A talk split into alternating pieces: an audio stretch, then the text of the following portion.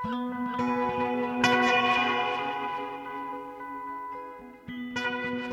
og sæl, kæru hlustendur. Halla Hardardóttir og Melgorka Ólafsdóttir heilsa úr hljóðstofu Víðsjár, fymtudaginn annan februar. Í þætti dagsins Hönnun og heimilið, X og Öld Vassberans. Samkvæmt stjórnusbyggingum hefur nú gengið í garð Öld Vatsberans sem á að enkjænast af mikilli endurskipulagningu á heimsmynd mannana, fyrst með niðurbroti og svo með endur uppbyggingu en einnig af vaksandi víðsíni mannshugans. Að því tilefni heldur kamerhópurinn Káta Kollektiv tónleika í Norðurljósasal Hörpu nú um helgina og flytur þar þrjú tónverk sem öll tengjast vatsperanum og öðrum stjörnumerkjum. Við fáum tvo meðli með hópsins, það er Þórtinsi Gerði Jónsdóttur og Þóru Margreti Sveinsdóttur til þess að segja okkur nánar af þessu dulafulla verkefni hér í lok þáttar.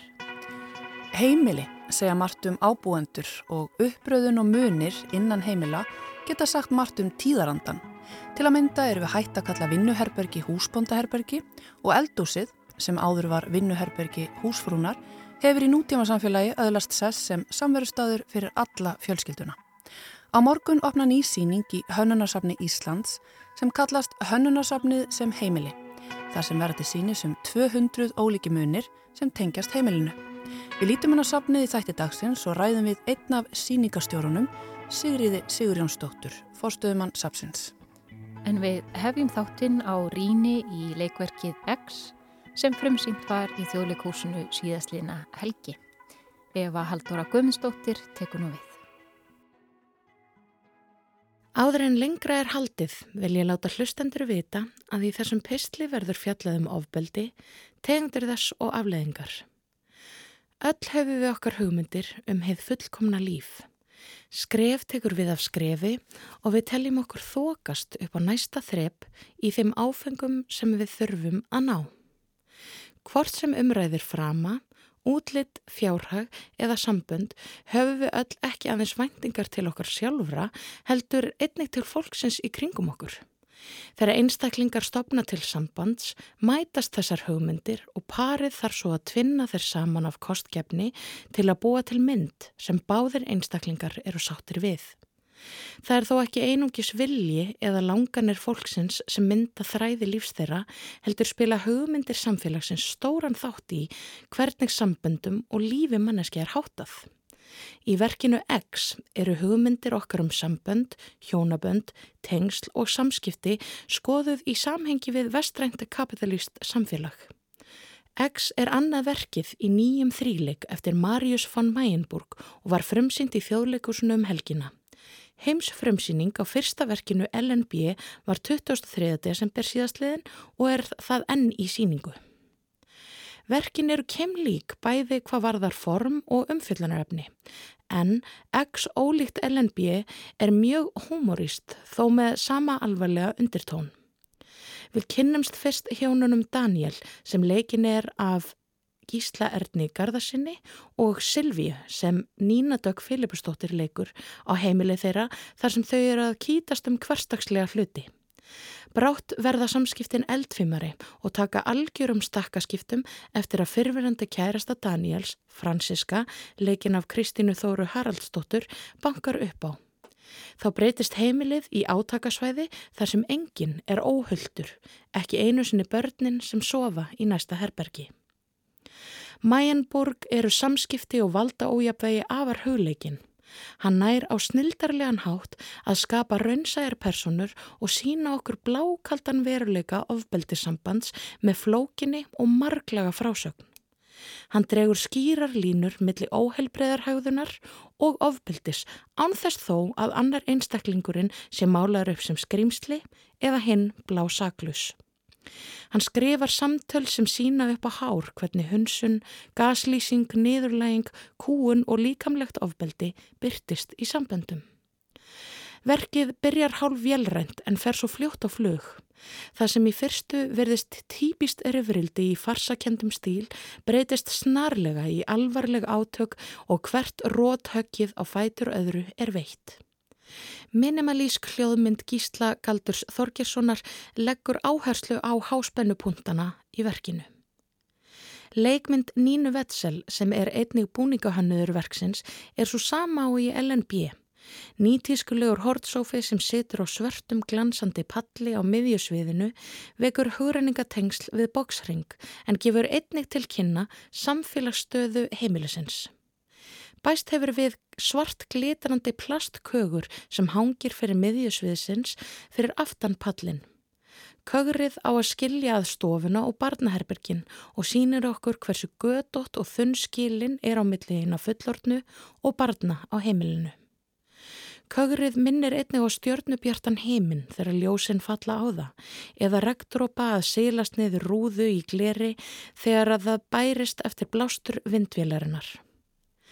Búningar vetsel ná að aðgreina personurnar skilmerkilega og flokka í stjættir. Þeir sína fjárhagslega yfirburði hjónana kakvart fransisku.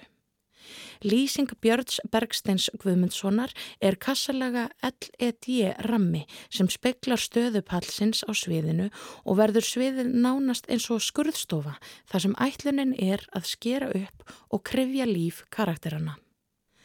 Verkið hverfist um sambönd Daniels við þær Silvíu og Fransisku og afhjúpar hvað þær eru tilbúnar til að ganga langt til að halda í hann. Daniel er drefin áfram af því sem er vænst af honum. Hann lígur, hunsar og gaslýsir til að ná sínu fram. En eiginkona hans, Silvíja, er ofbeldiskona sem svífst einskis og er tilbúin að gera allt til að ríkhalda í glansmynd hjónabandsins. Franziska er hins vegar markalös og ástsjúk og nýtur hún sameinlegar minningar þeirra að frelsi og kynlífi til að draga hann aftur til sín. Franziska er greinilega undir þumlinum á Daniel og beitir hann alls konar bröðum til að halda henni nálat sér anþess þó að gefinni það sem hún þarf. Þótt Daniel síni af sér talsvert óheilbreiða hagðun gagvart bæði Francisku og Silvíu gengur Silvíu skrefinu lengra en hann og beitir mjög grófu ofbeldi. Leikararnir stóðu sér öll með príði og byggðu okkur upp á marglega framsetningu á safaríkum personum. Gísli Örn tólkar sjálfselsku og skeitingaleysis Daniels afar vel og samband hans við Fransisku er trúverðugt. Tólkun hans á niðurbróti Daniels nýsti innað beini. Kristín Þóra nær að vekja samúð með konunni sem nær ekki að komast yfir fyrirverðandi kærasta sinn og þráir viðurkenningu hans. En Nína Dögg tólkaði Silvíu svo vel að hún beinlínis hrætti mig. Fljótlega eftir að verkið byrjaði fór mér að líða ónáttalega í líkamannum og fattaði ég að þeirra leiða verkið að hún kallaði fram í mér ómeðvituð viðbröð því ég skinnjaði óknafinni. Nákvæmlega það sem ofbeldis fólk gerir við þólendur sína. Hún var fyndin og vakti samúð mína á köplum en ég var í stöðugum óta um að hún myndi springa því personan er óutreiknarleg og til alls vís. Samspil tekstans og tólkunar nínudaggar á Silvíu var svo magnað að hún varð ógnvekjandi. Benedikt Andrews leikstjóri náði að draga fram kjarnaverksins af mikillin emni. Hann leggur senurnar upp á skemmtilegan og náttúrulegan hátt. Leikararnir flökkuðu niður af sviðinu og um áhörundasallin og teiknuðu upp heimili hjónana í öllu rýminu. Einni býr hann til hættu ástand og spilar með viðbröð áhörfanda með glerbrotum, nótkun leikmyndar eða lýsingar, takti verksins og áhyggjum af hvað dóttir hjónana gæti heyrt þegar hún læðist um og hlerar. Ég veit þó ekki hvort ætlun leikstjóra var að hæðast að því að Karlmaður sé beittur ofbeldi en svo virtist að senan þar sem Daniel var beittur líkamlega ofbeldi skipti áhörfundum í fylkingar. Þau sem hlóu að manninum sem lippaðist í gólfið frosinn og beigði í hnibri eftir að barsmíðunum myndi linna og hinna sem gripu andan á lofti. Senan satt virkilega í mér eftir síninguna vegna þess hver gróft ofbeldið var og viðbröð áhörundaskarans. Líka með minn brást við og fann ég svo til með personunni að tár spruttu fram í augun. Af hverju hló fólk? Voru þetta stressviðbröð eða var það hvernig senan var sett upp? Átti þetta að vera fyndið að maðurinn væri beittur ofbeldi eða finnst fólki það svo fjarlagt að karlmaður geti verið beittur líkamlega ofbeldi af konu að það hló af undrun? Ég er hennilega að veita ekki. Ég veit bara að mér þótti senan afar átakanleg. Það kom mér á óvart að ekki hafi verið sett viðvörun eða trigger warning á síninguna þar sem hún tekst á við og sínir gróft ofbeldi. Það stendur þó í lýsingu af vefsíðu þjóðlikúsins að eitt af umfyllunar efniverksins sé ofbeldi en hefði mér þótt betra að vita fyrirfram að í síningunni séu senur sem geta virkað triggerandi. Það er mikilvægt að borin sé virðing fyrir því að hnefa högg, smelli þegar flatur lófi, skellur og beru holdi og spörk geta virkað illa á þólendur ofbildis og sett þá úr jafnvægi. Því getur viðverun verið nöðsynleg. Mér finnst bæði X og LNB hafa brotið blað í umfjöllunum ofbildi á leiksviði. Hópurinn næra að kafa svo djúft ofan í efniviðin og varpa annars konar ljósi á ofbildi og óheilbriða hegðun. Ég hef ekki séð sambarilegt á sviði áður. Með sögum og gjörðum personana afhjúpar Mæjenborg stærra vandamál samskipta og rínir í afleðingar ofbeldis og óeðlilegs hegðunaminnsturs. Í stað þess að við leggjum mat á hverju segur og hverju saklaus opnar hann auðu okkar fyrir því að allt á sér aðdraðanda, gerist í samhengi. Mannveran er breysk en ofbeldi er hegðun sem hægt er að aflæra. Verkið vekur upp spurningar eins og hvað ef persóna Silvíu hefði verið karlmaður? Hvað hindrar Daniel í að skilja við konuna sína í þeirri forréttendastöðu sem hann er í? Mæjenborg spilar á kynhlautverkin til að sína hvað ofbeldishægðun er í raun skýr og hefur gífurleg áhrif á þólendur. Afleðingar ofbeldisins smjúa en í alla kema sálarlífs þólenda og brjóta þá kerfispundi niður. En rétt eins og í LNB bendir verkið réttilega á að ofbeldið á sér ekki einungis stað innan vekja heimilisins heldur í samfélaginu öllu. Stjættaskipting leikur einnig þungaviktar hlutverk í verkinu. Daniel og Silvia eru arkitekt og læknir en Franziska vinnur í dýrabúð og vegna samfélagsstöðu hennar ná hjónin að neðulegana algjörlega og upphefja sjálf sig. Verkið þvingar okkur til að horfast í augu við innbyggða ofbeldishægðun samfélagsins og hvað mannveran getur gengið langt í að halda ímyndsinni við. Kapitilisk hugmyndafræði litar ákvarðanir okkar og lifnaðarhætti. Staða okkar, kyn, upprunni og reynsluheimur hefur gífurlega áhrif á hvað við leifum okkur eða komast upp með í hegðun. Hvað eru við tilbúin að gera til að klífa valda píramíta samfélagsins og viðhalda glansmyndinni sem metur virði okkar í kapitalísku samfélagi? Ertu hinn vægðarlösa Silvíja, eigingjarni Daniel eða hinn leitandi Franziska? Eva Haldóra Guðmundsdóttir rýndi hér í verkið X eftir Marius von Mayenburg sem frumsýnt var í þjóðleikúsinu um liðina Helgi. En þá fyrir við Garðabægin og kynum okkur síningu sem opnar á morgun.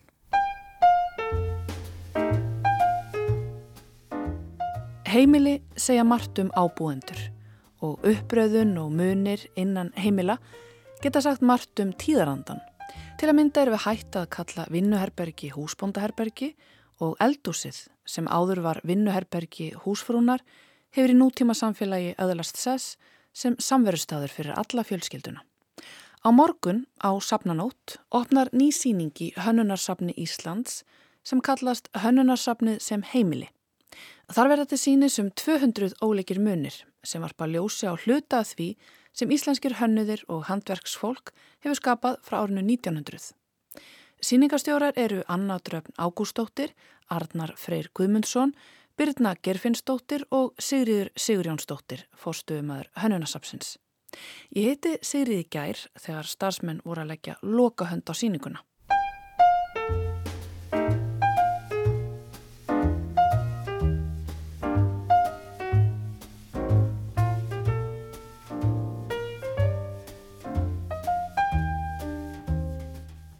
Okkur langaði til þess að um, sína daldi mikið úr sapningninni á þessari síningu þegar hún er all kominu upp þá er hérna um 200 munir úr uh, sapningnin okkar. En þar eru sagt, um 5.000 munir með teikningum og, og, og þetta er ekki bara hlutir þetta er líka arkitektateikningar og, og grafísk hönnun og þannig að þetta er svona ímislegt já og þá kom þessi hugmynd að setja þetta upp sem svona grunnmynd af heimili. Þannig að við löpum hérna í gegnum forstofu, eldúrstofu og svo framvegis svona herbergi, við reyndar ekki með baðherbergi það því við eigum eiginlega ekki enga sapgripi sem að myndi fara þar inn, þetta er sérst allt íslensku hönnun sem að er hérna og en þetta er ótrúlega góð leið að sortira hlutina bara eftir svona herbergjum og funksjón og hvað þeir eru notaðir. Já og verður líka alltaf gaman að því að þó að þetta sé, þetta er svona sem við kallum fasta síning og mun vera hérna alveg þrjú ár sem að manni finnst kannski alltaf mikið en þá býður hann upp á svo margt skemmtilegt af því það er hægt að leggja í rauninni yfir hana aðrar síningar sem að tengjast líka heimilinu. Eins og til dæmis uh, erum við að vinna með þjóðfræðadeildinni í háskólanum að einhvers konar síningu um örverur inn á heimilum mm. og svo getum við líka bara tekið eitt og eitt herbergi, þú veist eins og svefnebergið og skoða drauma og svepp og kynlíf eða hvað sem er sem að tengist svona kannski ákveðnum rýmum og þannig að það er endalust eh, hægt að vinna með þetta þema sem heimilið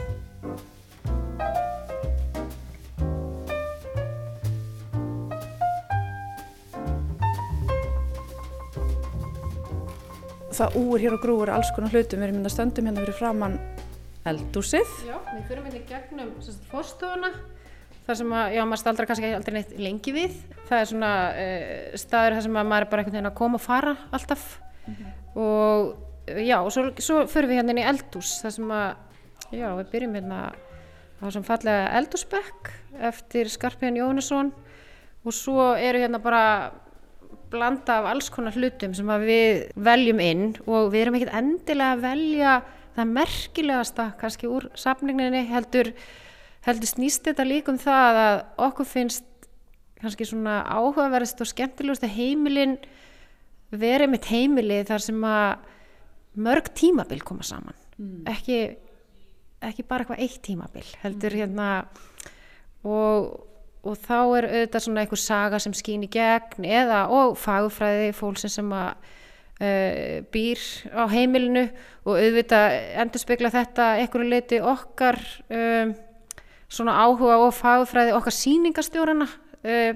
og, og stundum eru kannski einhverju skrítni hlutir sem að um, við veljum einfallega að þeir eru skemmtilegir með þessum hlutum sem við erum búin að velja, skilir mig? Þannig að þetta er svona, já þetta er ekki endilega allt merkilegustu hlutinir úr, úr safninginni. Já, svo er hérna bara keramik, leirpottur úr íslenskum leir hérna frá þetta leirsjö og borðið sem að gerðu þetta saman svo eru líka bara einna frumgerðir klukkur mm -hmm. hagkaupsloppurinn svona þetta við skulum eiga hann og, og hér hangir hann á nýjum snaga eftir Hönnudís Whitehead. Gaman að sjá þetta saman hérna. mm þetta bara fer mjög vel saman. Ég geti mitt alveg séð Hönnudís fyrir mér í svona slopp að vinna á verstaðinu sínu. Og svo eigum við hennan ennþá þennan dásamlega hagköpspoka, plastpoka en hann mun til dæmis ekki lifa endalust því þetta bara eigðist upp svona mm. plast. Svo er hérna innretting, það er svolítið gaman að velta því fyrir sig líka uh, hvernig rýminn þróast. Það er ekki bara hlutirnir inn í rýmunum heldur rýminn og hérna eldúsið það var auðvitað ekki mikið pláss fyrir hluti í eldúsum ég náðu fyrir þegar þau voru eiginlega bara staður fyrir eina konu. Já, það var samt oft ótrúlega mikið skápaplás eða svona oft vel hönnuð og flott eldhús. En þau hafa náttúrulega breyst alveg rosalega mikið, kannski mest af öllum herrbörkjánum þannig að þau eru náttúrulega orðið svo opinn, þau eru meira svona samverðstæði fjölskyldunar þar sem að fjölskyldan eða fólk er að elda saman mm -hmm. og borða og læra og um, er í tölfunni kannski líka, bara setur Þetta er svona kannski einn helsti samverðstæður fjölskyldunar og svo eru þetta búið að opna svo mikið eldhúsinn inn í stofu og þannig að þau hafa breyst mjög mm. mikið. Einmitt, þetta var meira kannski svona lítið vinnur í mig en hefur breyst yfir það að vera svona fyrir allallega njóta í líka, ekki bara vinna. Já, einmitt, einmitt það er með tannig og svona skemmtilegasti staðurinn í partíunum og svona.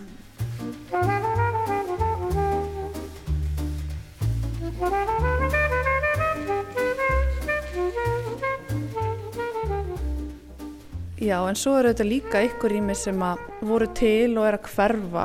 Ég horfi hérna á hennan stól, ég get alveg séðan fyrir mér í ykkur húsbóndaherbyrgi. Það er til dæmis rými sem er eiginlega ekki til í dag. Nei, einmitt, það er eitthvað sem er heldur ekki á þessari síningu, húsbóndaherbergi.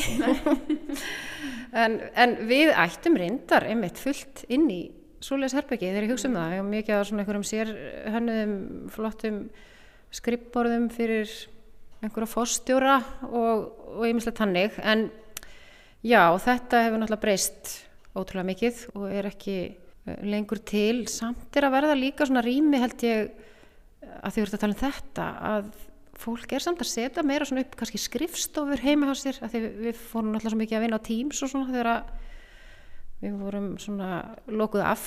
Og ég held að fólk er að gera þetta ennþá En hérna erum við sannst komin inn í stofun okkar sem er einmitt opið úr eldursunni og inn í stofuna. Og hún er reyndar eins og sérð þá er bara búið að setja upp hluti í halva stofuna. Og það er hérna hægra með við okkur og hínum megin er nefnilega lag sem sagt það lag hérna þakið á milli jól og nýjás og það er reynda búið að vera til vandra hjá okkur alveg tíu ár þetta þak og búið að reyna hitt og reyna þetta og það svona hefur kannski eitthvað stoppað í eitthvað tíma og svo núna þá lag bara meira heldur en að hefur nokk tíma gerst áður. Þannig að maður veit aldrei einhvern veginn allavega hérna í þessu húsnaði hvað getur gerst. En, en nú verður vonandi farið og það verður farið í alvöru lagfæringar hérna í vor. En það er ekki hægt fyrir í vor.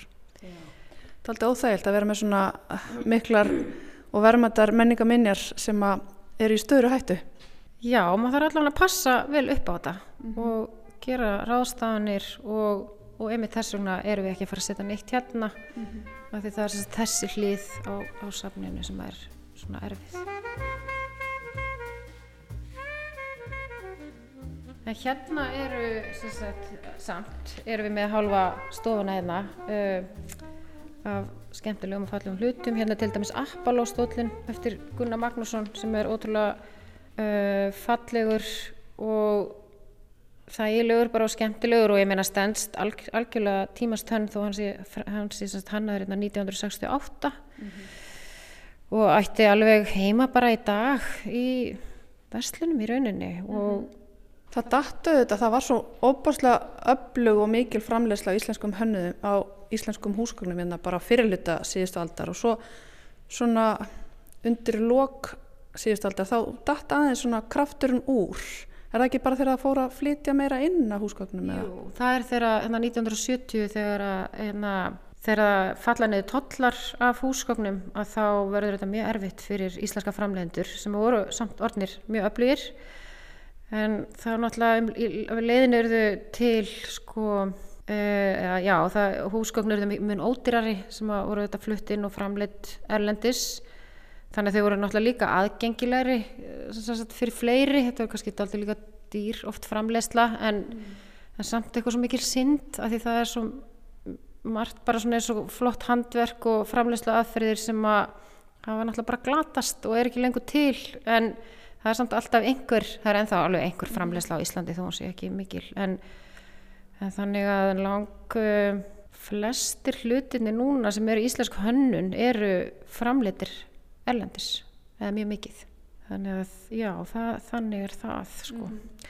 og það sem að kannski samt, fylgir líka og það, það sem fylgir þessari svona ódýri framleiðslu er að fólki finnst líka lítið mála að henda hlutum og nú er auðvitað allir að endur skoða þetta alltaf mikið þannig að og maður sér það líka að það er að gerast það er að fólk hugsa það þessu öðruvísi og er kannski til í að fjárfesta uh, í dýrari hlutum sem endast lengur Ég er alltaf að vona það mm -hmm. að fólk hérna, fari mér að hugsa þannig og ég finn það alveg að það er svo leis. Þannig að, að það líka kannski opnar eftir einhverju möguleika fyrir íslenska hönnuð og framlegendur sem að vilja gera bara vandaða fáa hluti.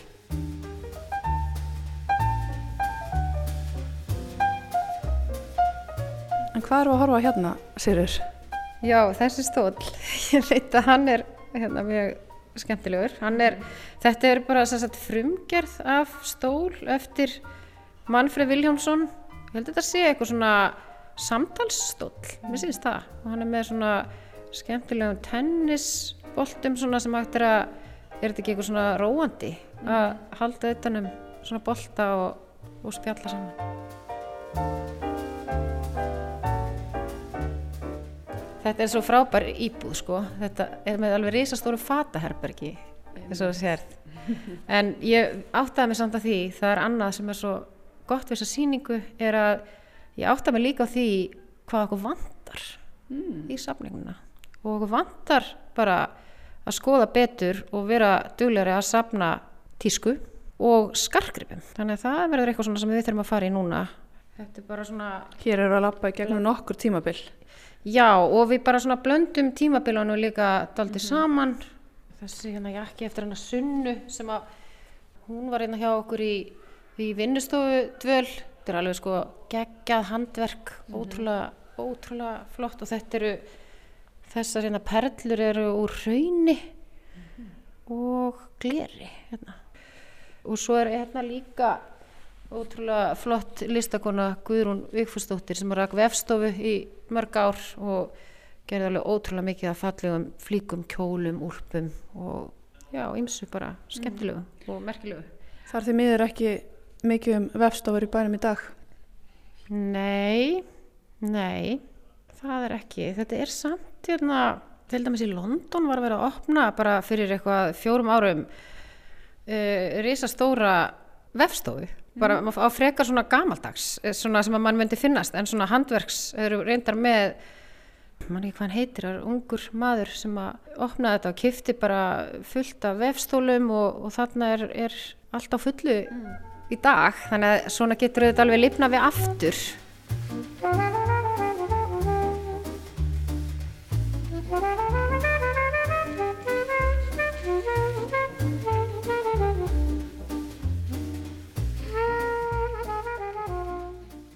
Þetta er svona unglinga og, og badnaherbergi eða hvað?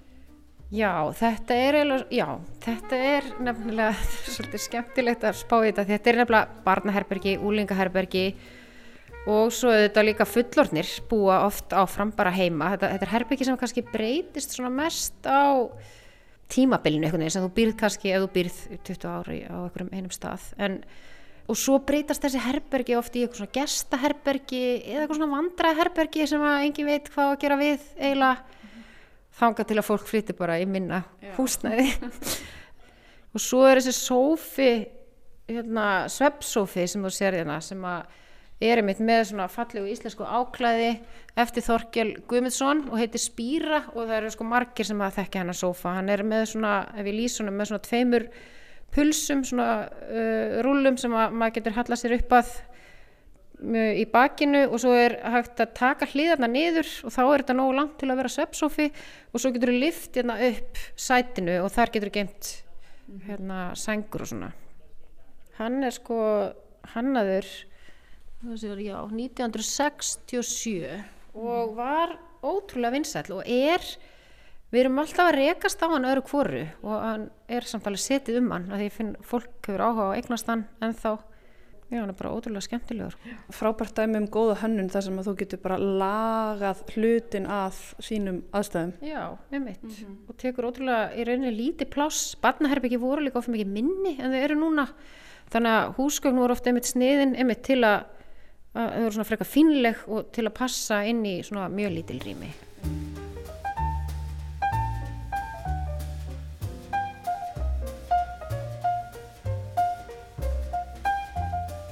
Og svo erum við með hérna líka þessi fiskibeinamódel sem að minnst alveg dásamlega flott og eru svona pínlítið eins og íslenski lego eða eitthvað, þetta eru bara fiskibein þetta er sem sagt, þetta heitir hugdetta hérna, þeir sem að framlega þetta.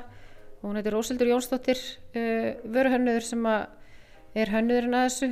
Og svo ótrúlega skemmtilegt með fiskibeinin er að þú horfið líka bara hérna í, á Eve online og horfið svo á fiskibeinin þá þá sérðu samt að þau eru eitthvað svo mikið eins og gameskip og skrimsli og þau passa eitthvað svo vel inn í þennan svona leikja og leikfangakúltur sem hefur verið í gangi. Þetta er sagt þannig að maður mm tekur beinin og getur búið til alls konar skrimsli, gameskip, alls konar dýr.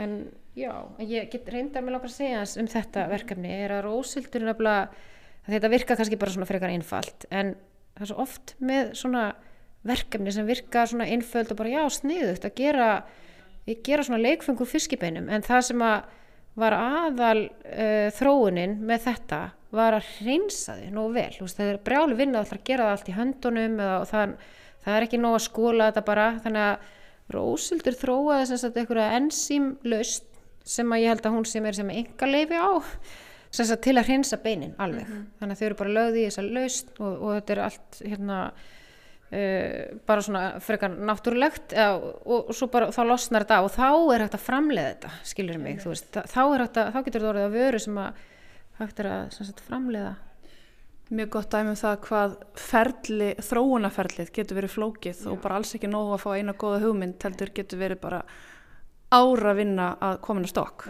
Ég myndi segja bara, ég er alltaf bara verið að vinna lengi kringum hönnun og var mjög lengi að vinna upp í listaháskóla í vöruhannadeildinni þar.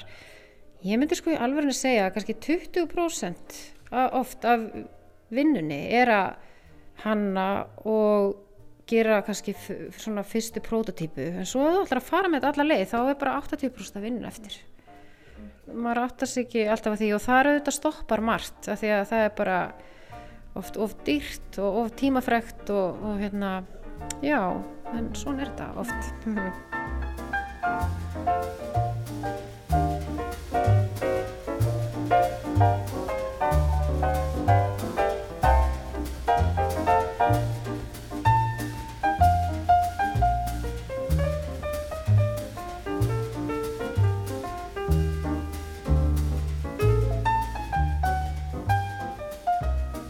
Dave Brubeck kvartettinn flutti Cathy's Walls eða Valsinnana Kötu hér með samtali við Sigriði Sigurjónsdóttur fórstuðumann Hönnunarsafns Íslands.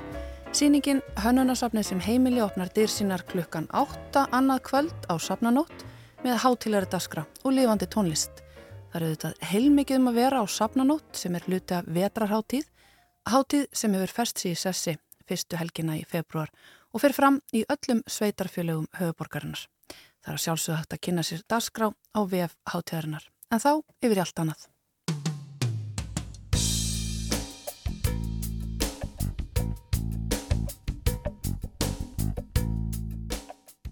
Það eru sestar hjá mér Þórtís Gerður Jónsdóttir og Þóra Marget Svinsdóttir. Það eru meðlumir í Káta Kollektiv sem er kammerhópur sem að leytast við að fara óhefðuna leiðir í sinni listsköpun og núnum helgina eru tónleikar sem að hafa yfirskriftina Öld Vatsperans.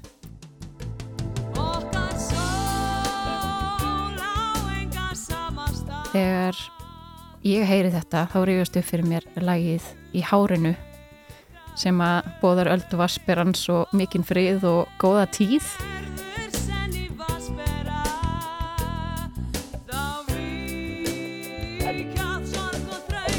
Er það svona ykkar skilningur? Á Öldu Vaspirans?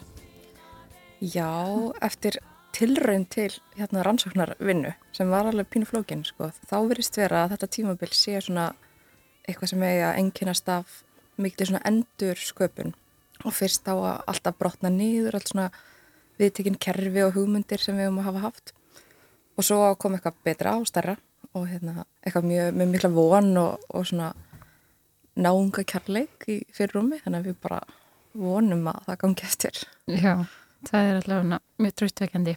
En það eru þrjú verk, stór verk á þessum tónleikum. Það fyrsta er orðin okkur gamalt og það tellist ennþá til nútíma tónlistar. Einmitt. Það er týrkræs eftir Stockhausen.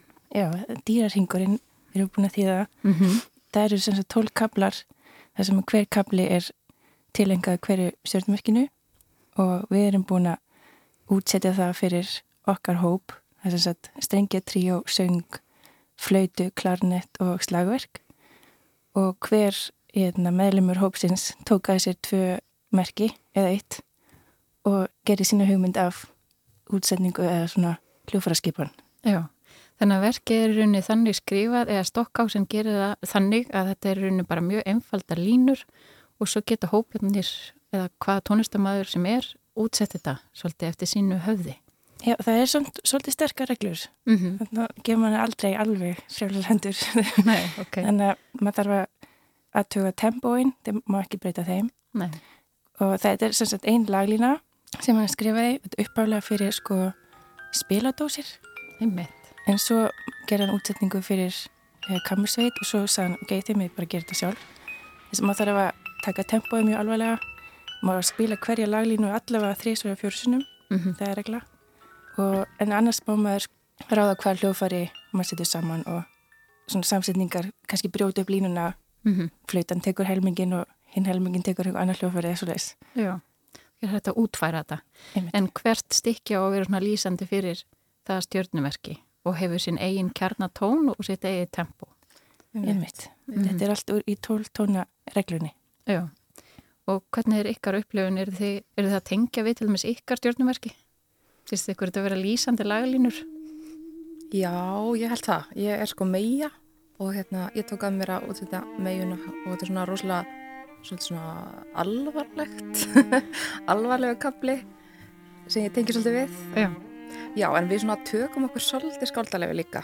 Stokkarsen var einmitt mjög, hérna, hann gerði þessar reglur sko, en við svona aðeins leifum okkur að fara bara brjóta þar, bara reynd út sagt sko, Mm í einhverjum útsendingum. Sumir eru svona trúri konseptinu uppháðlega, en svo aðrir kannski aðeins búinir að fara meira frjálslega og kannski hefur það eitthvað með stjórnumerki þeirra sem gerði útsendinguna.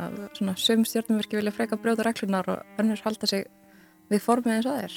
Já, við heyrum hérna meginna aðeins undir.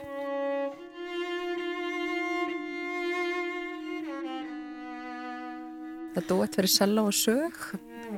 Ymmi. ég, var, ég var að velta fyrir mér hvaða hljófar þetta væri sem að væri þarna. Akkurat.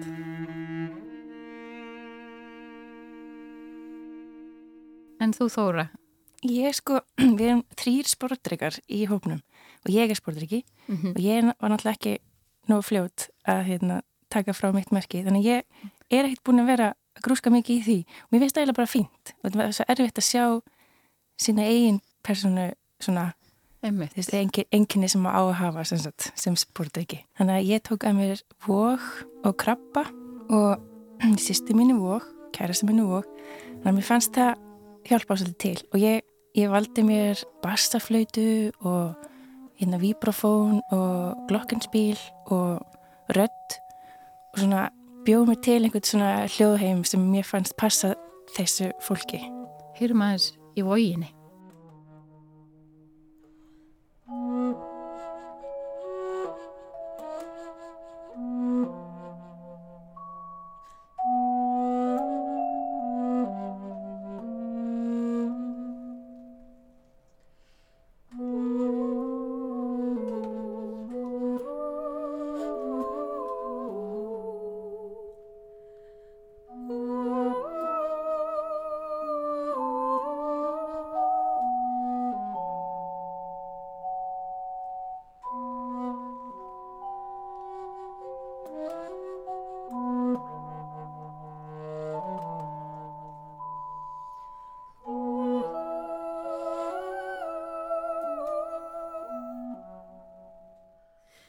Þórtís Gerur, heyrum eitt stjórnumerki viðbót. Hvað var hitt sem þú útsettir? Herri, ég útsetti ljónið. Ég þekki nokkur ljón meðal hans bróðu minn. Mér finnst ljónin vera svona, þeir eru ógslag klár og hérna, miklu töffarar. Mér finnst vera sko erfitt að koma þeim úr jafnvægi. Og svo hugsaði ég líka um svona ljóninju sem er reyfist svona frekar hægt og kúla því að hún veit að hún er alveg að fara að ná þessari bráð saman þó hún æsi sig eða ekki sko. Mm -hmm. uh, svo fannst mér laglínan sjálf já það er semst bassa bassanótunar sem ég fannst svo cool en svo laglínan sjálf er svolítið svona marsleg þannig að þá kom hérna hikkalaflautan og víbrahón Já. með stertinn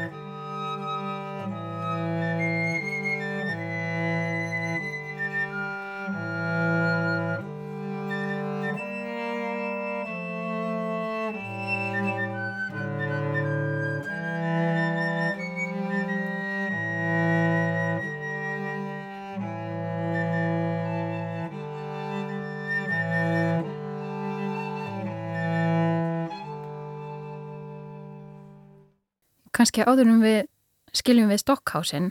Er eitthvað kerfið á því hvernig þetta flutt? Er farið í gegnum öll 12 merki? Þú sagðir að það þurft að spila hvert þeirra nokkur sinnum í gegn. En svo má flytja þetta bara eins lengi og fólk vil. Já, ég skiljaði þannig að það sem ég las mig til um var að það má ekki breyta rauðinni, sko. Mm -hmm. fyrir eftir sko hvenar árunum að flytja syngin þannig að ef maður myndi vera í uh, segjum júni, enda júni þá byrjar maður að krabba og fer þá þannig syngin sko maður byrjar á því stjórnumörki sem er í gangi á því tímbili þegar tónleikarnir eru Já. ok, þannig að tónleikarnir eru allt öðruvís eða þeir hefðu verið í síðustu hugu Við erum alltaf aldrei haldið þess að tónleikir síðustu hugu ekki sén sko. það er öll vaspirans þetta er allt svo hérna, útpælt sko. Einmitt. En Káta Kollektiv, þið leggið ykkur fram við að byggja tónskaldum að semja nýverk fyrir ykkur og það verða tvö nýverk líka á þessum tónleikum. Finn Karlsson þekki ég ágætlega, hann skrifaði verk út frá Vatsperranum. Já, hann tók Vatsperran hérna í daldi víðu samhengi.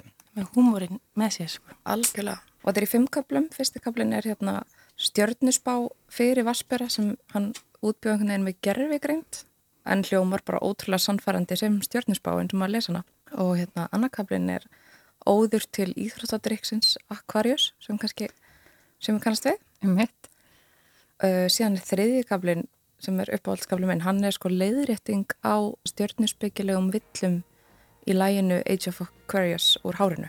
Akkurat. Og svo hérna það er ímsa starrendavillir í þeim textagreinu já, sem hann er búin að leiðrætta þarna. Já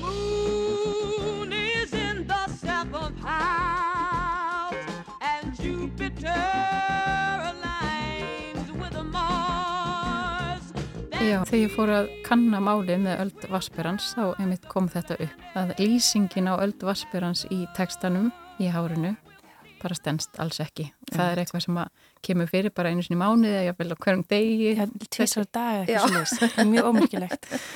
Já, þannig að það er gott að fá það leiðrétt í öðru tónverki. Já, einmitt. Mm. Við náttúrulega vonum að þessi verður bara skeitt sama við upprunarlega útgána svo þetta kom allt fram. En svo er hérna fjórðkaflin er texti af heimasíðu þar sem er hægt að kaupa sér stjörnur eða starforsale.is held ég mér þess að. Já, já. Ég byrði þetta ekki og svo er fymtukablin svona lýsing á stjörnu þóku og hann einmitt, eins og Þóri sagði, hann hefur ótrúlega mikið húmor en þetta er líka ótrúlega bara fallegt og lagurænt verk og hverst mjög gaman spilda sko, þannig að ég lagt til að flytja þetta. Já, Róbert. Og svo er það síðasta verkið og það er hún Fjóla Evans sem hafa nýtt nafn fyrir mér Já. en hún er íslensk-kanadísk. Hún er íslensk-kanadísk og býr í New York og ég kynntist henni í Amsterdam. Og við fórum á svona svona blind stefnumót. Ég var að leita af íslenskum tónskáldum eitthvað, ég veit ekki alveg hvað, ég var að gera einhver rannsóknarvinnu og það er sem sagt vinkona mín Kate Moore sem er tónskáld ástrals tónskáld í Amsterdam. Og heima síðan hennar þá er hún með lista af tónskáldum sem að hún fýlar mm -hmm. og það sá ég nefni Fjóla Evans. Og ég hugsa með mig Fjóla hlýtur að vera íslensk. Einmitt. Og hérna, þannig ég fór bara að skoða fór að pína af svona eldirallana eitthvað og sá sagt, Facebook síðan hennar og hún var nýlend í Amsterdam. Já. Já. Þannig ég hafði bara samband og sagði hei, viltu hitta mig í kaffi? Þannig að við kynntumst þannig. Frábæst og ég er svo ég er búin að hlusta á nokkur verkanir og ég baði henni um að skrifa fyrir sagt, ég með dúó eh, ég og, og vinkona mín Björk Nílsdóttir synguna hún skrifaði fyrir okkur mjög fallega ljóflokk Þannig að ég sagði þú verður að skrifa fyrir káti líka mm. og við vorum þetta frábæra þema og hún sagði já, ger það. Og hérna, hennar verk er, fær innblástur í 14. stjórnumerkið sem er setus og ég vissi ekki að vera til. Og það í grískri goðafæri er það eitthvað sæskrimsli upp á himninum mm. sem er með búk að starfi stærstu skip og höfuð af svíni og mjög ofrinnlegt og þetta flýtur um, um heimingeiminn maður sér fyrir sér eitt af þessum skrimslum svona gömlu Íslandskorti. Akkurat, við finnum akkurat svo leys mynd Já, þetta verk er um þetta skrimsli og maður algjörlega fer inn í þann heim og hvaða leiðir fer hún til þess að lýsa þessu skrimsli eða þessum heimi? Já, Já maður sér svona að þetta er eitthvað svona mjög stórt tónmálið mm -hmm. en samt svona reyfist svolítið svona hægfara og og mm. svolítið tignalega bara.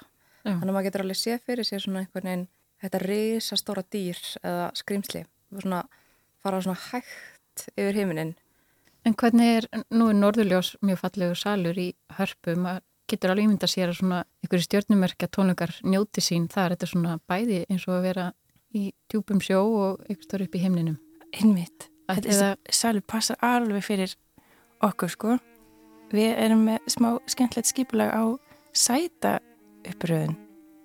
Það er sérst, uh, í þetta skipti þá fá áhundur að vera hluti af sviðsmynd tónleikana og taka þannig þátt í að búa til stemninguna. Og við erum búin að búa til sérst í miðju salsins er hringlaga svið og áhundur sita í kringum þetta svið. Og það eru 12 hólf í áhundahofnum eitt fyrir hvert stjórnumerki og þar eru mertir stólar þar sem fólk er beðið um að finna sitt stjórnumerki og hérna setjast þar. Þannig að þú færið að upplifa tónleikana með fólki í þínu eigin stjórnverki. Já. Ætli það valdi ekki neini tókstreitu? Öruglega hjá sportreikunum, sko. Það geti verið. En kannski bjargar það okkur að öld og vassberans er að ganga í garð Einmitt. með öllum sínum góðu lutum. Einmitt. En áður en ég slepp ykkur, Þórtís, Gerður og Þóra Margrett, segið mér aðeins meira frá Káta Kollektiv. Já, Gáta Kollektiv er hópur sem var stopnaður árið 2018 og leggur kannski svona megin áherslu á að finna klassíska flytjandanum aðeins, aðeins fjölbreyttara hlutverk heldur en kannski þekkist svona yfirleitt. Og ég held að við séum allt svolítið típur sem erum svona viljum aðeins pöngast í einhvern veginn svona þessu viðtekna hlutverki flytjandans að vera oft svolítið passífur og gera hlutina bara eins og þær hafi verið gerðir áður Mm -hmm. og við reynum einhvern veginn að gera þetta samt með alltaf virðingu fyrir efniviðinum þú veist, við erum ekki einhvern veginn að skrumskjala neitt eða, og við spilum bara tónlist sem við virkilega njótum að spila en, en styrklegi hópsins er að, held ég að við höfum svo ólíkan bakgrunn og Mm. gert svo margt þannig að við einhvern veginn náum að svona auðvitað að færa okkur á milli stefna og ströyma og höfum gert bara ótrúlega fjölbreytt verkefni Já, ég sé það á heimasíðin ykkar. Þetta er skemmtilegur hópur og til mikils að laka fyrir þá sem við vilja mæta tónleika og sundaginn. Þeir þurfa vendilega að skrá stjórnumerki sitt þegar þið kaupa meðan. Sko nei, það Það er er ekki ekki persónu upplýsingar. Einmitt, en sko í rauninu eina sem fólk þarf að vita er bara hvernig það á ammali. Þá Já. hérna er það fært í flestan sjó á þessum tónleikum. Ok. Ég laka til, ég ætla að mæta. Ég er líka sportryggi. Ég sá það. Já. Takk innlega fyrir komuna Þórdís Gerður Jónsdóttir og Þóra Margrét Sveinsdóttir. Takk fyrir að hafa okkur.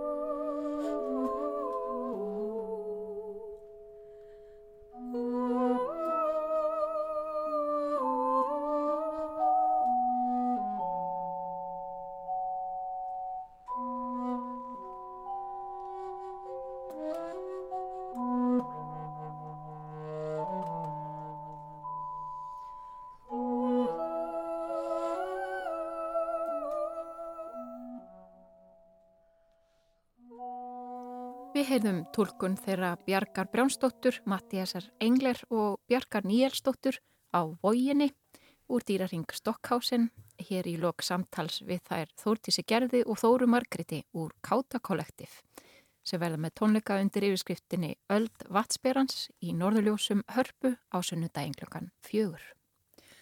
Og þá fyrir að líða að lokum þáttarins kærlustendur. Við þökkum samfélgina í dag og í þessari viku. Við sjá verður á sínum stað á mánudag. En við ljúkum þættunum á læginu Öldvasperans sem kallast reyndar að eilífu í íslenskri útgáfu af hárinu sem sett var upp í íslensku óperunni árið 1994. Baltasar Kormákur leikstyrði því feiki vinsala stykki en það var Margrét Eyr sem söng að eilífu. Og á þeim kraftmiklu og bjart sínun nótum hveðjum við í dag veriði sæl.